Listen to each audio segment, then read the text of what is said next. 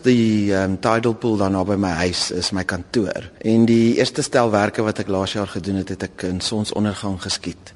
En my gedagtes in daai tyd was so bietjie gegaan het oor manlike konstrukte en is hulle reël is hulle nie reël nie. En hierdie uitstalling is nou die tweede fase van die kolonie of the colony. Hier gaan dit nou meer oor in die dag skiet. Ek skiet in die dag, ek gaan in die oggend daartoe. En as ons nou dink aan goed wat ek geïnteresseerd is soos manlike konstrukte weer gaan dit nou oor geld en goud en so ek sien daar nou goudpatrone in die water. Maar waar die idee van 'n kolonie? Ek het te veel akademiese invloede in my lewe maar ek, ek integreer hulle maar jy weet op 'n manier wat vir my sin maak. En ek dink altyd wat ons doen as mense is ons trek 'n lyn in die natuur. En dan sê ons lak like, daar buite is die natuur en hier binne is waar ons is. Dis waar ons dan magshierargieë maak in communities. En die Duilbroek pool waar ek swem en ek al hierdie fotos neem. Hy het so 'n lyn wat hy maak tussen die see en die plek waar mense swem natuurlik. En jy sal sien in die werke, sien 'n mens dit baie duidelik, dit is so 'n swart streep. So ek voel daai aksie wat mense neem van daai sirkeltjie in die natuur maak. Dit is soos 'n kolonie maak binne in die natuur van waar ons goeders doen. So dit is ook om die werk se naam is The Colony. Die eerste een het gefokus op die konstruksie daarvan en nou sê by Occupy, verduidelik. Die, ja, die konstruk was nou nie oor die dam nie, die konstruk was van manlike konstrukte. En dan kyk jy in die refleksie onder en dan jy weet, ons is ook maar natuurlik en en organies en nie lyne soos wat ons wil hê mense moet lyne wees nie. So die eerste een het gegaan oor daai tension wat daar is tussen konstruk en regte mens wees. Die tweede een het ek die naam Occupy gegee want omdat ons nou kyk na goud en kapitalisme en so aan, het ek gewonder is daar enige iemand wat nee sê vir die korrupsie wat natuurlik altyd saam met geld gaan. Wie in die wêreld proteseer korrupsie? Is daar enige iemand wat aan die arm ou se kant is? En toe het ek op die internet in daai tyd ontdek die Occupy movement. Die Occupy movement is basies mense wat 'n protes in Wall Street gedoen het en gesê het kapitalisme is cool. Ons sê nie jy weet jy moet kommunisme of sosialisme of iets doen nie. Ons sê net ja, kapitalisme was veronderstel om vir almal te wees. En op die oomblik is daar 'n groot dividing line van wie kry die meeste geld en wie kry nie. En arme mense word armer en ryk mense word ryk. Ek het nou nie regtig my mind opgemaak oor daai goed nie, maar ek is geïnteresseerd om te kyk na al hierdie verskillende polariteite. Wat was die navorsing wat ingegaan het met hierdie projek? Ja, as ek nou navorsing sê, dan moet ek nou gekyk het wat is buite my werk? Want my werk is maklik. Dis wat ek doen. Ek is skill daarmee. Painters het my geleer hoe om na die natuur te kyk. Maar die navorsing wat ek moes doen was dit vir wat was die onbekende wat ek juxtaposeer iets van die onbekende dan nou aan wat vir my bekend is. En dit was geld. Ek weet nie hoe werk stock exchanges en goud en goudpryse en natuurlik ek kon ook nie lekker uitfigure wat wil die occupy movement sê nie want dit was onduidelik. So ek moes vreeslik baie tyd op die internet spandeer probeer uitfigure hoe werk geld en vir 'n jaar lank toe watch ek die goudprys. Elke dag kyk ek wat gebeur. Ja, en ek, ek dink aan die einde toe is hierdie uitstalling ook maar basies is hoe hoe integreer 'n normale persoon al daai tipe van magsgoeders wat ons nie verstaan nie in geld in sy lewe in. Jy kan dit net doen met die tools wat jy ken. En al wat ek ken is om foto's te neem van water. Ja, dit was so 'n interaksie tussen research en, en foto's neem en probeer verstaan. Sy so gepraat van water. Die eb en vloei van water speel 'n belangrike rol in jou werk. Hoekom? Onder die werk gaan daar sulke grafieke hardloop van wat die goudprys wys vir die jaar wat ek hierdie projek gedoen het en dit gaan ook wys die tides van daai jaar. Wat jy sal sien wanneer die twee boor mekaar is, is dat die getye is altyd dieselfde. Daar's 'n patroon en hy's rustig. Dit is sulke golwe wat so maak. Twee keer 'n dag is daar laagwater en twee keer 'n dag is daar hoogwater. Ek kan min of meer uitfigure weet wat gaan die tide wees môre. Maar as ek kyk na daai goudprys vir die jaar en net in 'n dag, die grafieke het partykeer so gegaan dat hy heeltemal uit my prentjie uitgaan. Soos daar's 'n paar dae lank in die kalender af met die muur van die galery waar daar niks op is nie. En dis nie omdat daar nie goudprys was nie, dis net dat hy het so hoog gegaan of hy het so laag gegaan dat ek hom kon nie kon dokumenteer saam met die tide nie. Jou werk fokus hoofsaaklik op gender en identiteit as ook magsposisies.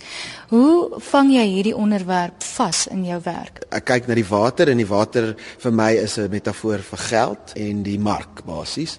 En dan het ek gaan kyk na wie ran die mark, so mense en dit is natuurlik mans en vrouens. En, en ons is in 'n tyd wat vrouens natuurlik bemagtig word, maar wat ons vergeet is die enigste tyd wanneer vrouens regtig bemagtig word in 'n konstruk van die patriargie waar ons kyk na hoeveel geld kry almal en hoeveel mag in society het. Is dit regtig net eintlik vrouens wat geldelik bemag is wat dieselfde tipe van mag as mans het. Maar as ons nou regtig na konstrukte kyk van van die mark en die stock exchange, is dit nog steeds waar meeste geld lê is in mans se hande. En ek kyk daarna op die oomblik, so ek het net mans afgeneem in die water en ek het hulle afgeneem in hulle pakke want pak is 'n simbool van mag en in daai environment in die stock exchange is 'n pak natuurlik die enigste outfit. Wel, wanneer jy weet wat jy doen. En so, ek het net hierdie prentjies gemaak van die silhouette van mans wat in hierdie goudpoel staan, omdat ek dit ook in die oggend geneem het toe lyk die water ook soos goud, sodat jy nou hierdie swart silhouet wat binne in die goudpoel staan. Wat vir my opvallend is is as jy so kyk na die figuur wat in die water staan, is nou maar net iets wat ek gesien het, is dit lyk amper asof die arm verleng in 'n tas, wat deel is van 'n simboliek daarvan. O, ek dink dis miskien wat jy daar ervaar het, is waar die die abstraktheid, my abstrakte agtergrond en natuurlik my fotografiese agtergrond waar daar meer dissipline van toepassing is wat die twee bymekaar kom. Jy weet hier neem ek baie in fokus manne hierbo in en dan wanneer die water daai in fokus silhouette ontmoet is waar die tension gebeur tussen die abstrakt en die, die realisme. Dit is vir my nice dat jy dit sê because jy weet jy vind ander goed wat ek nie eens daar gesit het nie. So wat is vir jou volgende na hierdie projek? Dinsdag moet ek vanaand deurvlieg terug Kaap toe want um, dan word ek 'n pa. So dis 'n bietjie van 'n gewarrel, maar dit was my dadelike antwoord. Ek kry sommer hoendervleis nou as ek dink daaraan. Ek dink nie eens op die oomblik aan my kinders nie. Ek en my vrou het 5 maande wat ons afvat om maternity en paternity te doen. Ek dink in die volgende 5 maande sal dit alwees wat ek doen en ek dink ek werk altyd my invloede en my inspirasie kom altyd wat is die naaste in my environment. So ek wonder wat gaan hierdie baba Wat gaan hierdie baba aan die ander kant vir my bring aan my werk? Ek weet nie. 'n Hele nuwe wêreld vir jou. Ja, ek weet nie hoe gaan ek daarna kyk nie. Baie van my vriende, van my artist vriende is like, "Ag, ons gaan jou verloor. Jy gaan so sentimenteel word. Jy gaan sulke baba foto's neem." Maar ek lag vir hulle want ek weet hoe kyk ek na die wêreld. Ek probeer altyd kyk na die wêreld van 'n hoek af waar niemand anders hom kyk nie. En wat ek al, al klaar in belangstel is is wanneer babas huil. Ons het 'n sekere stel reaksies daarop.